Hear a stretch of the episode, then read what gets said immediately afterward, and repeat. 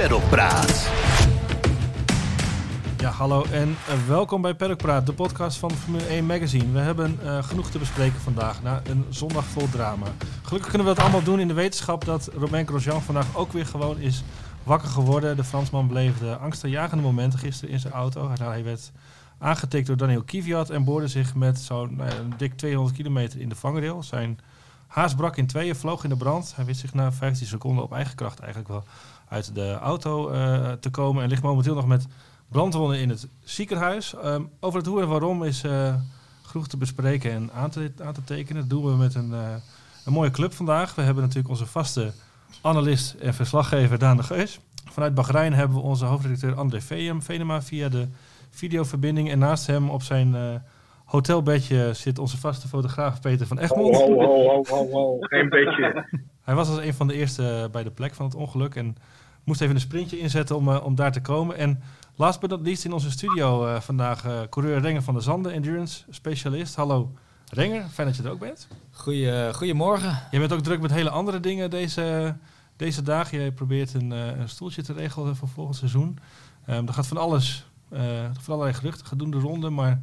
Heb je nieuws voor ons vandaag? Kun je al iets zeggen over, je, over volgend jaar? Nee, ik kan niks bevestigen, ik kan niks zeggen. Uh, ik hou stijf mijn lippen op elkaar. En uh, ik heb een paar hele mooie opties en die gaan we hopelijk ja. zo snel mogelijk uh, rondmaken. Ja, je hoopt snel met nieuws te komen, zeggen ze dan. Juist. in de politiek of zo in, de, in de voetballerij of waar en dan in ook. de uitsport, ja. ja. Goed, even terug naar gisteren. Dan, laten we met een, een rondje beginnen. Toen, toen het gebeurde, wat was jouw eerste gedachte, Ringer?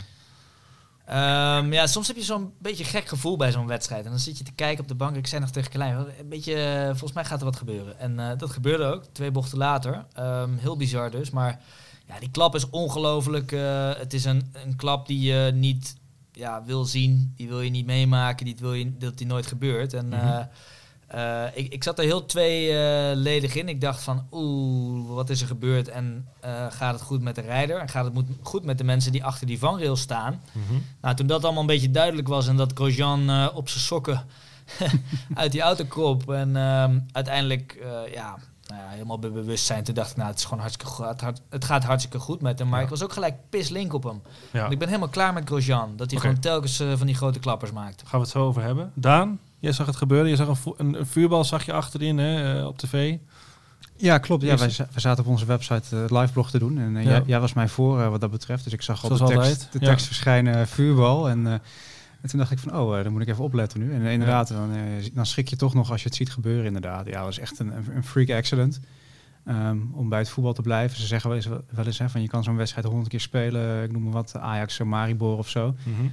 En 99 keer wint Ajax hem. Dit voelde als een crash. Je kan hem 100 keer hebben. En ik denk dat het redelijk 50-50 is of je hem overleeft. Ja, ja. André, je zat natuurlijk in het perscentrum in Bahrein. Het werd er heel ja. stil, uh, schreef jij uh, gisteravond. Ja, ja doodstil uh, eigenlijk. IJzingwekkend stil. die, dat perscentrum is trouwens een koelkast. Het is zo koud daar vanwege die airconditioning. Maar goed, daar terzijde. Maar het was echt... er, was, er viel een enorme stilte. En dat kwam natuurlijk omdat eigenlijk niemand wist uh, wie daar nu ja, uh, in brand stond. Mm -hmm. En uh, wij zagen ook niks, we hoorden ook niks. En het duurde echt, denk ik wel, nou een half minuut of een minuut voordat we wisten dat het uh, Grosjean was. toen we zagen het op de beelden, zeg maar op de tijdwaarneming. Mm -hmm. Dus ja, dat was het goed, het heel ernstig en heel, heel ja. heftig. Ja, de vuistregel is, je ziet geen beelden van het ongeluk totdat men weet hoe diegene eraan toe is. Ja. Dat duurde toch best ja. even lang. Ja. Voor ons gevoel uh, duurde dat heel lang zelfs. Ja. ja, en juist ook omdat het zo lang duurde, uh, dachten we dus allemaal dat het, uh, dat het behoorlijk mis was. Ja.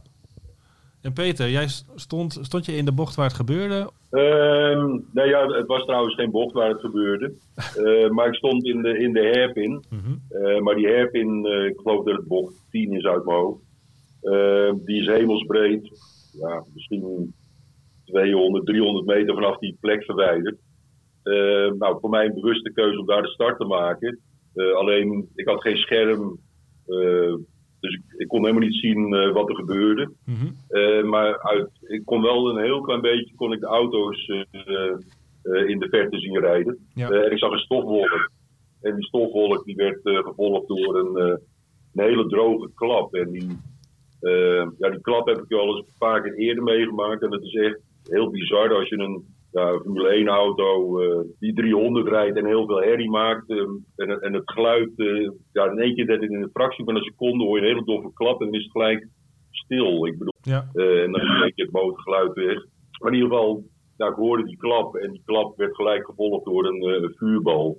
En dan had ik ja, ook gelijk een heel slecht gevoel en ik ben vrij vlot er naartoe gegaan, maar ik heb echt even een paar seconden na moeten denken van wil ik het wel, uh, wil ik dit wel, zeg maar. Want ik had wel het idee dat ik ergens naartoe ging uh, uh, waar ik eigenlijk helemaal niet wilde zijn. Je moest maar, even je moed ja. verzamelen, of niet? Ja, eigenlijk wel, ja. Dus toen ik kwam, toen brandde de auto nog. maar ik, had, ik wist dus niet dat Grosjean er al uit was.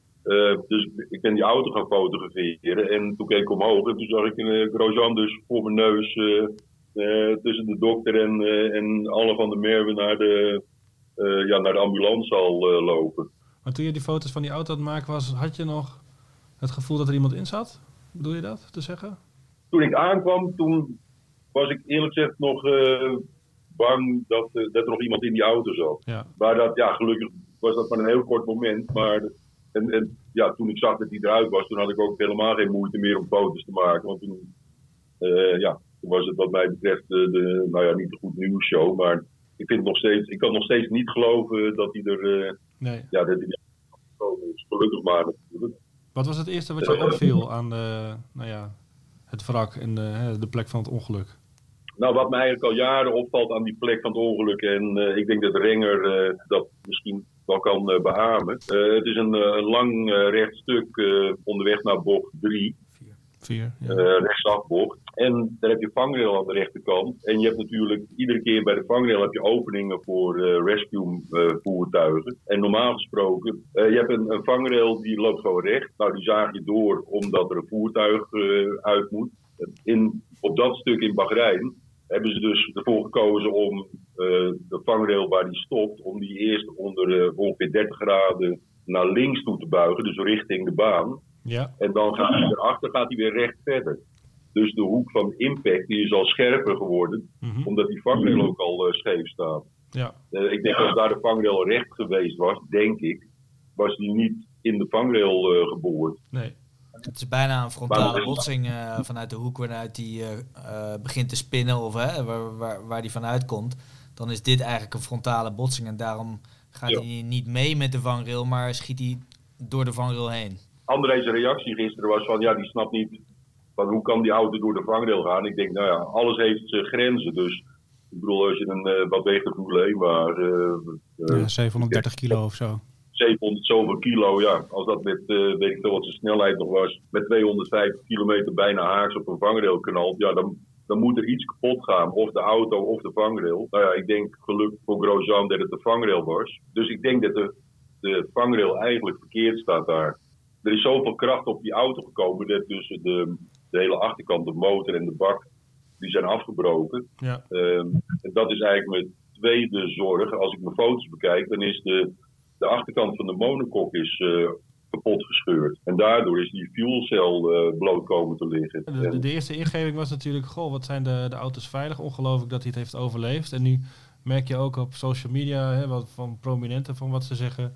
Uh, dat er al wat meer discussie ontstaat hè, over dus bijvoorbeeld de vangrail, over inderdaad het, uh, het ontsnappen van brandstof waardoor die brand, de, de, de, brand ontstaat. Uh, André, je bent gisteren bij een briefing geweest over het ongeluk. Wie zat, ja. er, wie zat, er, ongeveer, wie zat er allemaal bij en wat is daar besproken? Nou, we hadden twee, twee sessies. Eentje met Alan van der Merwe en, en Ian Roberts, de arts en de, de chauffeur. en we hebben ook een sessie gehad, gehad met, met Michael Masi, de wedstrijd, uh, wedstrijdleider. En uh, ik, uh, nou ja, ik vroeg me ook van, ben je niet verrast dat die, die, die vangrail, die scheurde, die, die opende zich als een soort scheermes als het ware. Ik was daar toch wel een beetje, beetje door verrast. Ook, natuurlijk komt daar iemand met, met een rotgang aan, weet je, en die, die neus die is waarschijnlijk ergens onder of tussen een van die twee lagen van de vangrail uh, doorheen gegaan. Maar ik, ik was toch wel verrast dat, uh, dat die auto daar zo doorheen sneed, als het ware. Uh, hij was daar niet zozeer door verrast. tenminste, dat zei hij, maar hij kondigde wel aan dat er direct een, een zeer uitgebreid onderzoek zal, zal volgen. Dat volgens hem maanden kan gaan duren.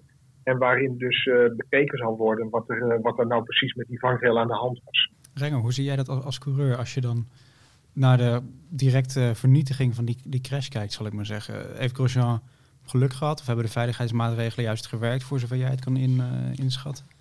Nou ja, vroeger was je natuurlijk gewoon per direct onthoofd.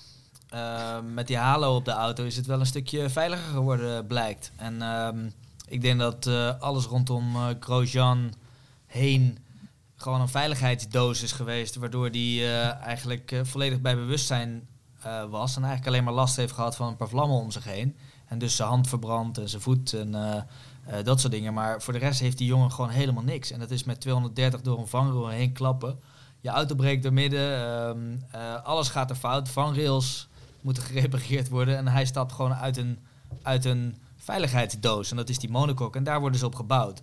Dus dat is echt wel, wel cool om te zien, gaaf om te zien dat de veiligheidsmaatregelen werken en die Halo ook. Um, ik zei het eerder al, uh, aan de ene kant ik ben super blij dat Romain gewoon uitstapt. Um, ik ken hem uit de Formule 3 tijd, veel tegen hem gereisd super aardige jongen, maar op de baan is het gewoon wel een beetje een uh, lunatic. En die andere keer dat Halo zijn werk deed, was hij ook betrokken bij een grote crash. En dat was op Spa, toen hij bijna ja, toen hij over het halve veld heen vloog. Um, dus ik ben ergens wel een beetje klaar met Grosjean en crashen en telkens maar op de, over de limiet over wat er kan. En dan mag hij blij zijn dat hij in veilige auto's rijdt. Maar eigenlijk wat hier weer gebeurde, kon ook weer gewoon niet. Hij ging gewoon van helemaal links naar de, van de baan, her, helemaal rechts naar de baan. En ja, ja super tof dat, het, uh, dat dit allemaal zo goed is gegaan. En uh, daar ben ik zelf ook ontzettend blij mee. Maar aan de andere kant moet je ook gaan kijken van uh, waarom gebeurt het telkens rondom hem van dit soort grote klappers. Nou gaat hij de tweede Grand Prix in Bahrein niet rijden. Daar zullen we het straks vast nog over hebben. Maar um, voor een coureur, hij is wat je zegt van jouw generatie. Wat, wat doet dit met je? Zie je hem op korte termijn weer instappen? Gewoon puur mentaal gezien? Zal ik ja, natuurlijk. Nee, dat is geen punt. Um, de, de, uh, sowieso de mens vergeet altijd slechte ervaringen en onthouden altijd de mooie positieve ervaringen. En dat is voor een autocoureur ook. Um, je bent gewoon autocoureur en uh, ja, het enige wat, wat ik, waar ik het net over heb, misschien dat hij zelf gaat nadenken van, poh, misschien ben ik zelf een gevaar voor mezelf. Dat is het enige waarvan ik kan denken dat hij uh, misschien niet in een auto stapt meer. Uh, maar bijvoorbeeld, uh, er was sprake van hem naar IndyCar. Ja, ik denk dat dat heel erg gevaarlijk gaat worden. Want die jongens die, die lopen echt nog gevaar omdat ze op de ovals tegen elkaar rijden. En daar moet je echt weten wat je doet. En op de millimeter nauwkeurig langs elkaar met 300, 400 km per uur. Uh, dat zou voor hem gewoon te gevaarlijk worden in mijn. Uh, in Daar worden Gro Grosjean-achtige streken ook gewoon echt niet getolereerd, geaccepteerd door de collega's. Volgens mij nee, is dat een hele andere. En ook in Hamilton, hè, die zei toen ja. ook al in Spa van, uh, ja, je moet echt gaan nadenken, jongen, want dit is gewoon, we zijn gewoon uh, met een gevaarlijke sport bezig en dit bewijst weer dat als het, als je dingen doet die ja gewoon niet kunnen, nee. Uh, dat je dan jezelf kan baseren. En over het algemeen, als autocoureurs zich baseren, zijn het toch freak accidents zoals dit, maar dan ook een beetje ongelukkig. Hè? Een band mm. op je hoofd zoals Wilson overleed of Hè, met, Bianchi met die, uh, dat takelvoertuig in uh, Suzuka. Exact, weet je. Dat zijn eigenlijk ongelukken die... Ja, per ongeluk uh, staat daar een... dat had dat nooit mogen gebeuren, laat ik het zo zeggen. Of die band die schiet net precies op, op dat moment op het hoofd van een uitcoureur. Of, ja. nou, dat, soort, dat soort dingen gebeuren. Maar ja, hij moet toch gaan nadenken of hij die, of die dit nog wel... of zijn rijstijl moet veranderen of, uh, of dit überhaupt nog moet willen. Ja, Renger, jij raadt Grosjean eigenlijk gewoon uh, af om, uh, om zeker om IndyCars te, te gaan rijden, als ik jou zo goed hoor. Ja, ik denk dat dat gewoon onverstandig is. als je ziet wat daar aan klappers gebeuren en hoe mensen zich daar baseren. Iedereen die naar de IndyCar gaat, zeg ik echt van, je bent echt een goede racevriend van me. Een, een, een Rosenquist, er zijn er nog een paar. en ik zeg echt van, pas op jezelf, want daar kun je echt nog, nog pijn gaan doen. En dat zie je ook aan Wickens. Hè? Gewoon mm. toprijder, ja. supergoed.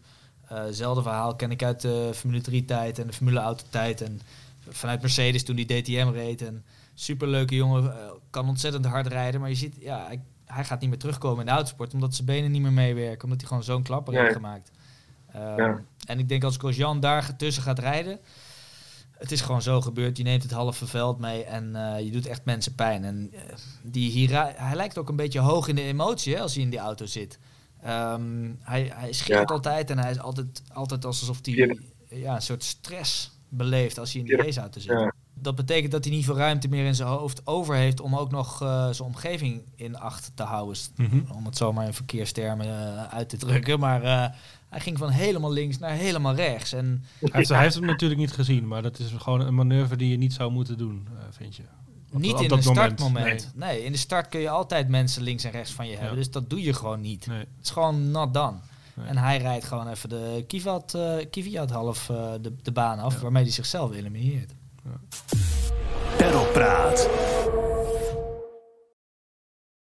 En, en dat moment, hè, die eerste seconde na zo'n impact. Je, hebt, uh, je zei, vertelde net ook een paar klappers meegemaakt. Wat, wat, wat maakt dan van je meester? Hè? Dat wil je zien hoe snel hij uit die auto weet te klimmen. Ondanks dus dat hij net, uh, nou ja, hoeveel is het, 51G of zo te verduren uh, heeft gekregen. Hoe, hoe, hoe, hoe, werkt je lichaam op dat moment? Kun je dat eens uh, Ja, dat uitleggen? is echt onderbewust ga je aan de slag. Ja. Eerst voel je eigenlijk gelijk van wat voel ik. Oftewel zijn mijn ledematen, doen die nog mee? Um, en vervolgens is het uh, panic mode, zo snel mogelijk die auto uitkomen. En uh, ik heb zelf inderdaad een paar klappers meegemaakt op Long Beach. Uh, eerste vrije training deden mijn remmen het niet meer. Ging ik hard de muur in in bocht 1 met de zesde versnelling. En ja, dat, dan ga je eerst denk je na van poeh, wat heb ik eigenlijk net meegemaakt en doet alles het nog? En vervolgens wil je zo snel mogelijk uit die auto. Je gaat eigenlijk gelijk na een soort van checklist in je hoofd van sta ik in de fik, sta ik, ja. Ehm, heb ik pijn, waar sta ik überhaupt? waar ben ik ge geëindigd? Uh, waar, waar op stu welk stuk van de baan? Sta ik in de bandenstapel? Kan ik uit die auto komen? Moet ik mijn radio gebruiken om het team te bevestigen van ik ben oké? Okay? Um, zie ik een Marshall waar ik mijn duim naar op moet steken? Nou, die tijd had uh, Romain Grosjean niet, want hij zag vooral heel veel vlammen om zich heen. En op dat moment is er maar één, één ding waar je aan denkt, is ik ja. moet nu uit die auto. Ja. En dat is ook wat hij deed. Dus uh, ontzettend knap hoe, die dat, ja. uh, hoe snel hij dat ook deed. Maar dat is ook vanuit intuïtie. Ja. En volgens mij zag je ook dat hij eerst zeg maar naar boven wilde en uiteindelijk een soort van linksaf is gegaan of zo, leek het wel. Ja, van de vlammen weg misschien, hè? Ja. Alsof hij rechtsaf ging en heel veel vlammen zag. En Precies, dat hij toen weer terug ging. Gaan we de andere kant op. Het is, een, het is neem ik aan, als je, als, als je, als je zo'n klapper meemaakt, dat, het, dat je gelijk in de overlevingsmodus gaat staan als coureur. Absoluut, absoluut. Dat is gelijk het, uh, ja, niet anders dan uh, hè, in, in andere sporten waar je gevaar kan oplopen. Uh, mm -hmm. ik noem maar een wielrenner die in het peloton op, op, op, op de vloer eindigt en denkt van er komt nog een heel veld aan. Ik moet nu ja. kijken dat ik niet nog een keer aangeraakt word, hè, aangereden ja. word. Dat soort ja. eerste momenten, daar denk je natuurlijk ook over na. Hè, als, je, als je thuis op de bank zit en je ziet dit soort crashes gebeuren, van hoe zou ik ermee omgaan? En dat is allemaal bagage omdat je er allemaal een keer na, over na hebt gedacht. Of als je een keer gewoon in de pitbox in die auto gaat zitten. Van hoe kan ik zo snel mogelijk die auto uit? Bijvoorbeeld wij hebben twee deurtjes op die auto.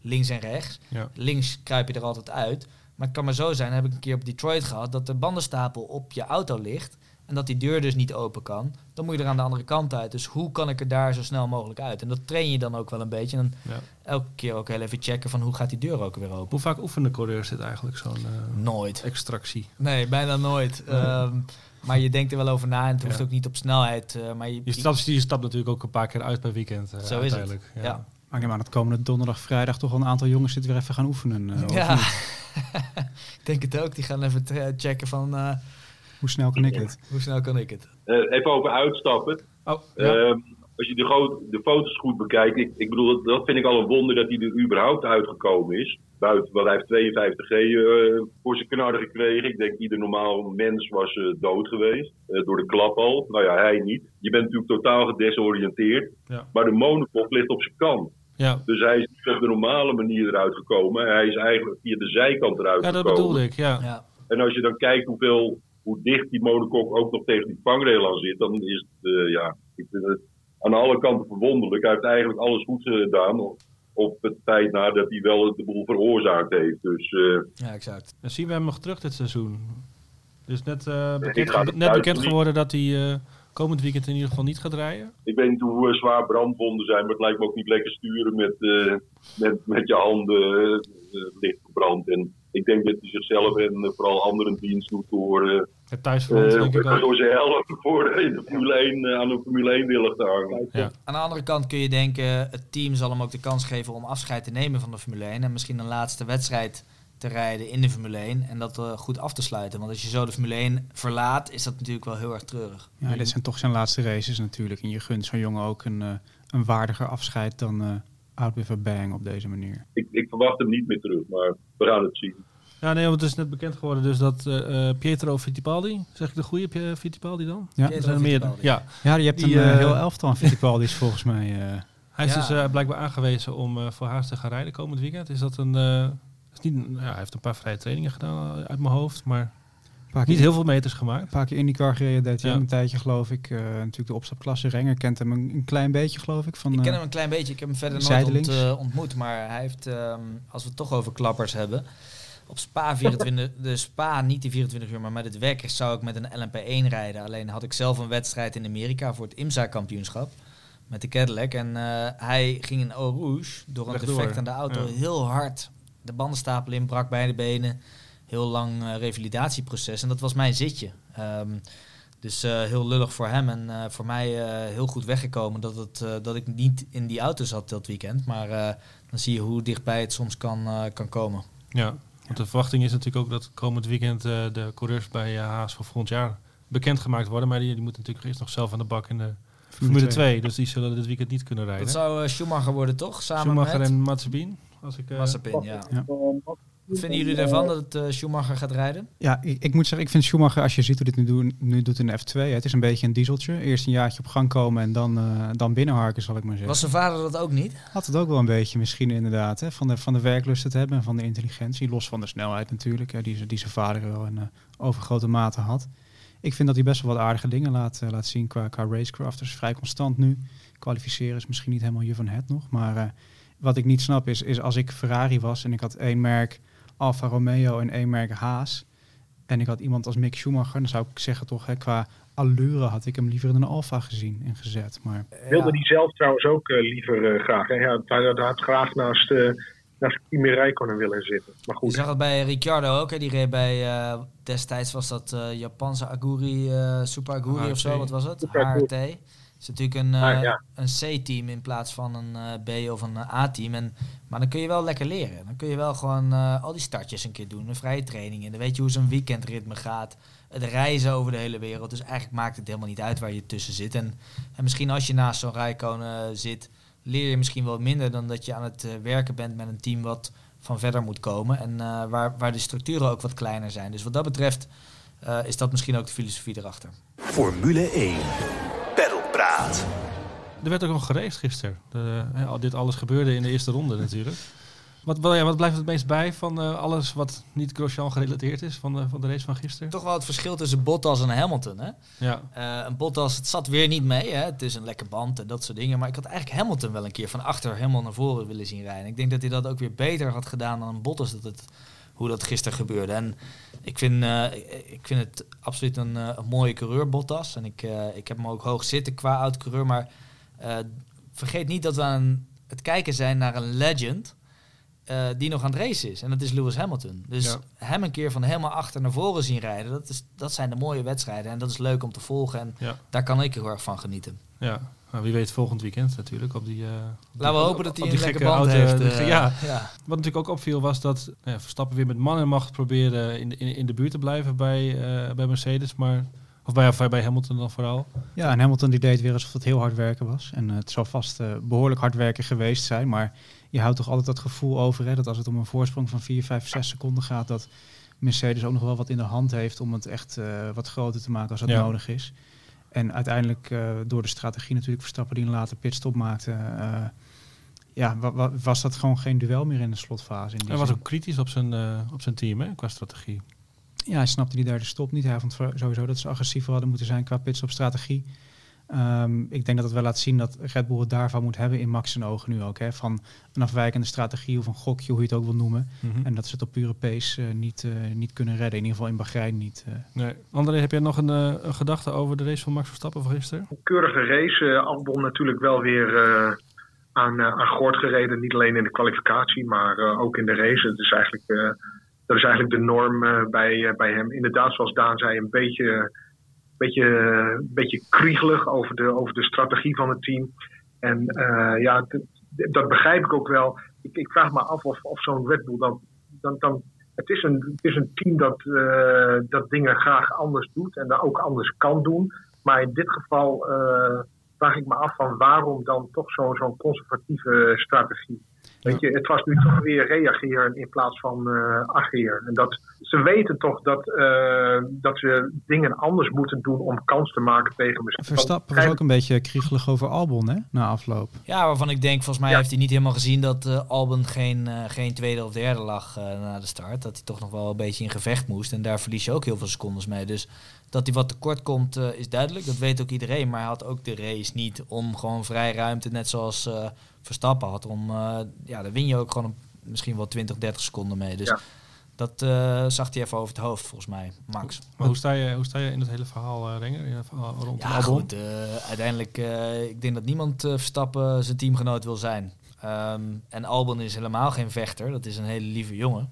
Hij lijkt ook nog uh, heel erg geschikt voor de endurance racerij. Dus uh, aan, het eind, ja, aan het eind van een weekend en vooral tijdens het einde van de race gaat hij ontzettend hard en kan die gewoon meekomen. Is volgens mij ook qua snelheid best wel in de buurt van Max.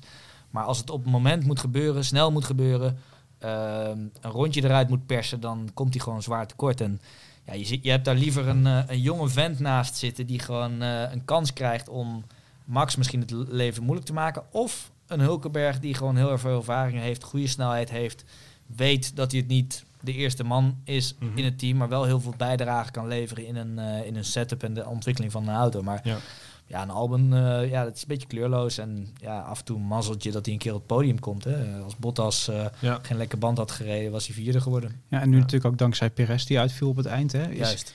Hoe zie jij Perez? Zou dat een optie zijn voor Red Bull? Misschien iets meer een, een, een bijter toch dan Albon? Absoluut een bijter, maar ik denk dat, dat, dat ja, uiteindelijk is het ook een junior ontwikkelingsprogramma wat Red Bull heeft. En ik vind, het, uh, ik vind dat ze zichzelf ook een beetje verlogenen als ze nu een, uh, ja, echt een... Een, een dertiger. Uh, een dertiger, ja, ik ben ook 34. Dankjewel. Um, Alsjeblieft. Nee, dus... Wij ook hoor. dus dat, is, dat zou natuurlijk jammer zijn als ze inderdaad niet iemand uit die juniorprogramma's pakken. En ga gewoon naar de Formule 2 kijken. In de Formule 2 rijden gewoon goede gasten rond die hard kunnen rijden. Stop, doe eens een gekke keuze als je dan toch die keuze hebt. Maar ik heb het idee dat met Albon ook wel heel erg de Thaise achtergrond met Red Bull uh, als groot aandeelhouder en dat hij daarom in die auto zit. Uh, anders zouden ze hem echt wel lang afgebrand hebben binnen dat programma, uh, ja. ook in de pers. Ja. Wat, heb je nog iets in het geruchtencircuit kunnen opvangen dit weekend, André, over het zitje naast Verstappen? Ik denk eerlijk gezegd nog steeds dat Albon ja. ook aanblijft. Um, en wat Renger zegt, uh, de andere aandeelhouder, de, eigenlijk de grote aandeelhouder van, van Red Bull, dat is een, uh, dat is een Thai. Die heeft 51%. Is heel belangrijk. En als je ook ziet hoe uh, Red Bull Albon behandelt, ook in de media, dat is toch een, met, een, met een fluwelen handschoen. Hè. Hij is nu weer ambassadeur geworden van Wings for Life. Ik, dat zijn denk ik allemaal signalen dat hij, dat hij volgend jaar gewoon nog naast Verstappen zit. Duidelijk. Perlpraat. Goed, die derde plek bij de constructeurs, ook heel belangrijk. Gaat om veel geld. Um, Racing Point leek daar de, toch wel de favoriet voor te zijn. Maar gisteren was daar McLaren met de vierde en de vijfde plek voor, uh, voor Norris en Sainz. Dat was een, een, een, verrassende ontwikkeling toch wel. Ja, absoluut. Zeker na de kwalificatie met Sainz, die geloof ik 15 op de grid stond uh, door uh, die problemen. Door een probleem, ja. Um, ja, gewoon een hele sterke race van die twee. Je ziet toch dat McLaren echt een race goed kan, kan uitvoeren in die zin. Ja. Waar bij Racing Point nog wel eens misgaat. En dit keer Racing Point natuurlijk pech met Perez met die motor. Stroll die in het begin bij een, uh, ja, een soort koprol maakt uh, uh, in een incident. Dat was mm -hmm. misschien niet zo heel handig van hem. Um, ja, het is wel een flinke spin qua punten. Dus ik denk dat Racing Point wel een flinke opgave wacht om dat nog goed te maken. Ja. En Renault is ook nog een outsider daar natuurlijk. Ja, ik vind het leuk inderdaad het, om nog heel even terug te komen op McLaren. Daar zit uh, Seidel, hè? dus een, uh, een nieuwe teammanager uit het uh, Porsche-programma van de Endurance, ken ik hem ook. Oké, ja. um, of ken ik hem, uh, daar, daar heeft hij gewerkt, daar ken ik hem van. Uh, ik heb hem wel eens gesproken, maar niet, verder ken ik hem niet heel goed. Maar dat zijn van die toppers die zij dan binnenhalen. En je ziet zo'n team naar bo boven gaan binnen, binnen twee, drie jaar. Dat was toen een tijd met Ross Brown bij Ferrari, uh, Jean Todt. Je hebt gewoon een aantal van dat soort key figuren binnen zo'n team... die zo'n zo'n team ook naar de hand kunnen zetten en beter kunnen maken. En dat, dat vraag je dan toch af waarom andere teams niet Hem nog meer inzetten ja. ja. op dat soort toppers. En um, uh, uiteindelijk gaat het om executie. En je ziet nu dat, jij zegt het heel mooi, McLaren is gewoon heel mooi en heel goed in het executie van de races. En daar kun je echt wel het verschil in maken. En Als je dan daarmee al begint, wordt het team gemotiveerd. Ehm, kun je nog betere mensen aantrekken. En zo is het eigenlijk een, uh, een, een, spiraal omhoog. En ik vind het heel mooi om te zien hoe McLaren... Ja, het ziet er ook gewoon strak uit. Die rijders zijn ook gewoon echt onderdeel van het team. Uh, ze worden serieus genomen in wat ze zeggen. En ze kunnen ook van alles zeggen. Um, dus ik vind het heel cool om te zien hoe McLaren het op dit moment doet krijgen ze ook volgend jaar de Mercedes motor volgens mij, toch? Of niet? Nou ja, dan uh, kun je helemaal... En uh, Ricciardo erbij natuurlijk ook nog. Ze gaan er niet op achteruit. Nee, ze gaan er uh, absoluut op vooruit. En ik denk ook zo'n Sainz, ehm, ja, die gaat natuurlijk naar Ferrari. Die, ja, daar zeg je gewoon nee, geen nee tegen. Maar die, die verbaast me ook telkens weer. Van, nou, die doen het gewoon goed. Maar vergis je niet, je moet ook een goede auto hebben om te kunnen verbazen. En dat, mm -hmm. dat is ook leuk om te zien. Maar ja. uh, om volgend jaar te zien hoe Sainz het dan in een mindere auto gaat doen. Maar ja. die jongens die doen het absoluut goed daar. Het verschil tussen Sainz en Bottas bijvoorbeeld was gisteren wel, uh, wel vrij opvallend. Hè? Als jij het dan hebt, uh, Renger, over, over inhalen en door het veld snijden. En Sainz kwam ook van heel erg ver.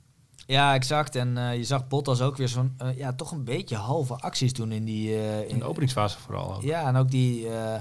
Uh, ook, ook het verschil trouwens tussen een Leclerc en Vettel. Leclerc ging gewoon als een idioot keer. Hè, die reed Vettel er nog bijna af en nog vijf anderen. Maar uiteindelijk kan je zeggen wat je wil. Hij reed wel zes, zeven posities voor Vettel. Mm -hmm.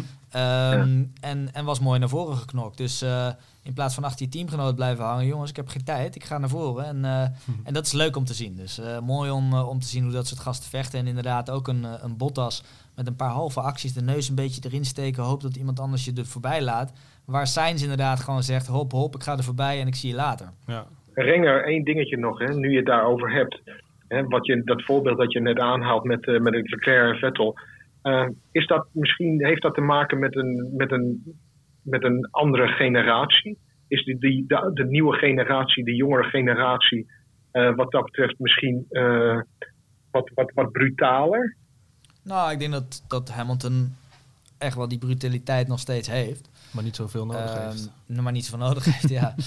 uh, rijdt toch wel op kop. Maar uh, nee, ik denk dat... Uh, ik weet niet of het een generatieverschil is. Die gasten zoals een Leclerc, Verstappen... dat zijn allemaal een beetje van dezelfde generatie. Dat zijn hele agressieve mannetjes. Maar Ocon zit daar weer net een beetje tussen. zie ik dat ook niet echt doen? Ja, misschien wel. Ocon is natuurlijk ook wel een beetje van de Verstappen-generatie. Dat was gisteren ook wel een beetje aan narren, vond ik. ik vond hem ook niet spectaculair. Ja, maar als in... er was op een gegeven moment toen zat Ricciardo volgens mij achter hem. Ja. En dan toen werd toch even, even, even, even, geknokt. Het was niet zo van, ook laat je er langs, want je bent sneller. Nee. Ja, ja, ja. Nou, ik, dat vond ik wel weer typisch Ocon eigenlijk. Ja, nee, precies. Maar dat is een Fransman. En Fransmannen uh, die, uh, die zeggen gewoon, die steken een middelvinger op en uh, je kan no. me... Je, ja, no. dus, maar... Nee, ik denk, uh, ik denk dat dat niet, niet per se een generatiedingetje is, maar gewoon de mentaliteit van, uh, van een Verstappen en een, uh, en een Leclerc. Die gewoon, dat zijn gewoon bijters. En die, die gaan er gewoon voor zitten en die denken, nou, dood of de gladiolen. Mm -hmm. Ik ga ervoor. Formule 1. Pedalpraat. Nou, um, komend weekend gaan we gewoon nog een keer racen in Bahrein. Alleen doen we dat dus nu op de zogenaamde oval, zoals die wel eens genoemd wordt. Dat is het natuurlijk niet. Maar de buitenste ring van, van het circuit. André, je hebt... Uh, vorige week al even een uh, ware trackwalk gedaan. Eerste ja. impressie? Um, het ging niet zo snel, denk ik, maar...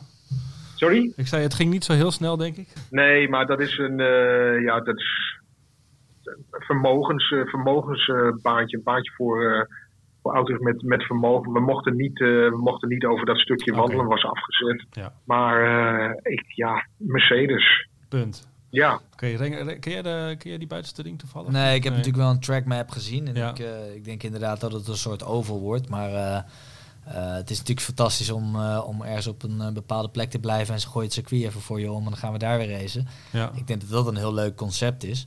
En ook zeker met de, de reisrestricties en dat soort dingen maakt dat... ja, een goede is oplossing. Dat, is dat een hele goede oplossing. En, ja, we gaan het zien. Ik vind het altijd leuk als er dingen veranderen. Hè. Andere ja, dingen gebeuren. Ja. Als je tien jaar na achter elkaar naar dezelfde baan gaat... of uh, je komt in één keer in Portimao uit... en daar uh, tegen problemen aanloopt... Um, uh, of zoals in Turkije. Dat vind ik de leukste races om naar te kijken. Omdat ze dan... Ja, dan zie je wie het verschil kan maken. En ik kan zeggen wat je wil, maar een Hamilton die komt dan altijd weer bovendrijven. Het is gewoon toch het ja. talent, de auto, maar ook het talent van zo'n van zo'n rijder. Die dan ook als het hè, low grip of high grip, het maakt hem niet uit. Ja. Hij maakt het verschil toch wel. Vooral op zondag dan ook. Hè? Ja. Als het moet gebeuren, staat hij er. Ja.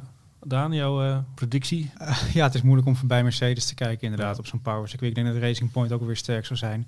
Zullen ook moeten natuurlijk niet. Zal wel moeten inderdaad. Ja, je, je neigt dan inderdaad toch naar Hamilton. Hè? Ik bedoel, Bottas, uh, ja, die killersmentaliteit, uh, die ontbreekt een beetje. Ja, oké. Nou, dan gaan we volgende week maandag uh, gaan we daarover praten als die, als die race verreden is. De, de Grand Prix van Sakir, zo heet hij officieel heet.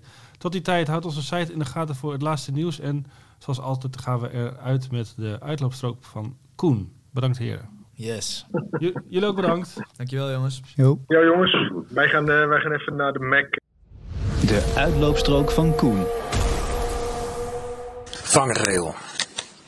Zo, dat was even schrikken. Zoveel vuur hebben we sinds de jaren 70 niet meer gezien in de Formule 1. Het inferno van Bahrein haalde zelfs het 8 uur journaal. Die Formule 1 blijkt toch een serieuze sport te zijn, zeg. En het was een godswonder dat Romain Grosjean dit overleefde. Was het een godswonder? Helemaal niet. Dat Grosjean zondag aan de dood ontsnapte, is de uitkomst van 50 jaar keihard werken aan de veiligheid in de Formule 1. Dat werk kan niet genoeg geprezen worden. Maar het mag ook nooit stilstaan. Ook niet na deze goede afloop. Het ongeluk riep bij mij onmiddellijk herinneringen op aan de crash van Ronnie Patterson op Monza in 1978. Kort na de start, auto's links en rechts van de baan, een auto die frontaal op de vangrail kleunt en meteen een enorme vuurbal. Patterson overleefde dat ongeluk uiteindelijk niet. Het uitblijven van meer beeld in Bahrein deed gisteren even het ergste vrezen. Maar opgelucht haalde ik adem toen die kop van Grosjean achter in de medical car in beeld verscheen. Pas daarna kregen we te zien hoe de Fransman met hulp van een brandblusser en een goed oplettende Alain van der Merwe aan de vlammen wist te ontsnappen. Alle lof komt deze redders toe. Zij zijn onmisbaar voor een veiligere Formule 1.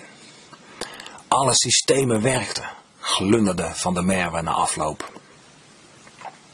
De VIA gaat onderzoek doen. Terecht. Want volgens mij hebben niet alle systemen gewerkt zoals het moest. Vooral de veiligheid van de auto heeft het ergste voorkomen. Eerst de onbreekbare cockpit die ervoor zorgde dat Grosjean zijn benen nog heeft. En daarna natuurlijk de halo waar nu alle focus naartoe gaat. En dat mag.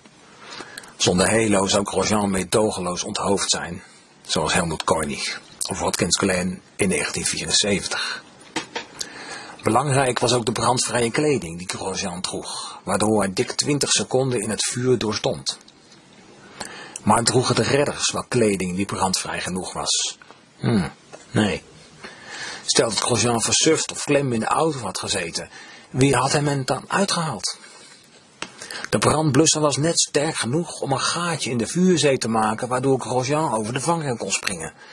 Zijn er geen bluskanonnen meer? Vuur komt niet veel meer voor in de Formule 1, maar zijn er echt nog wel op berekend?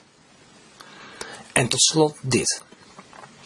Een auto die crasht, onder welke hoek dan ook, mag zich niet in een splijtende vangrail boren. Stel dat de haas 50 centimeter minder ver door de vangrail was geschoten, had Grosjean er dan nog uitgekund. Uiteindelijk kwam er toch ook een beetje geluk bij kijken. Dat Grosjean levend uit die geflambeerde haas tevoorschijn kwam. Misschien wordt het tijd dat alle vangrails langs de baan vervangen worden door een tech rope barrier, die de ergste klap absorbeert, maar niet toestaat dat de auto zich in de afzetting vreet. Ah, natuurlijk gebeuren er dan weer andere dingen, want motorsport blijft dangerous.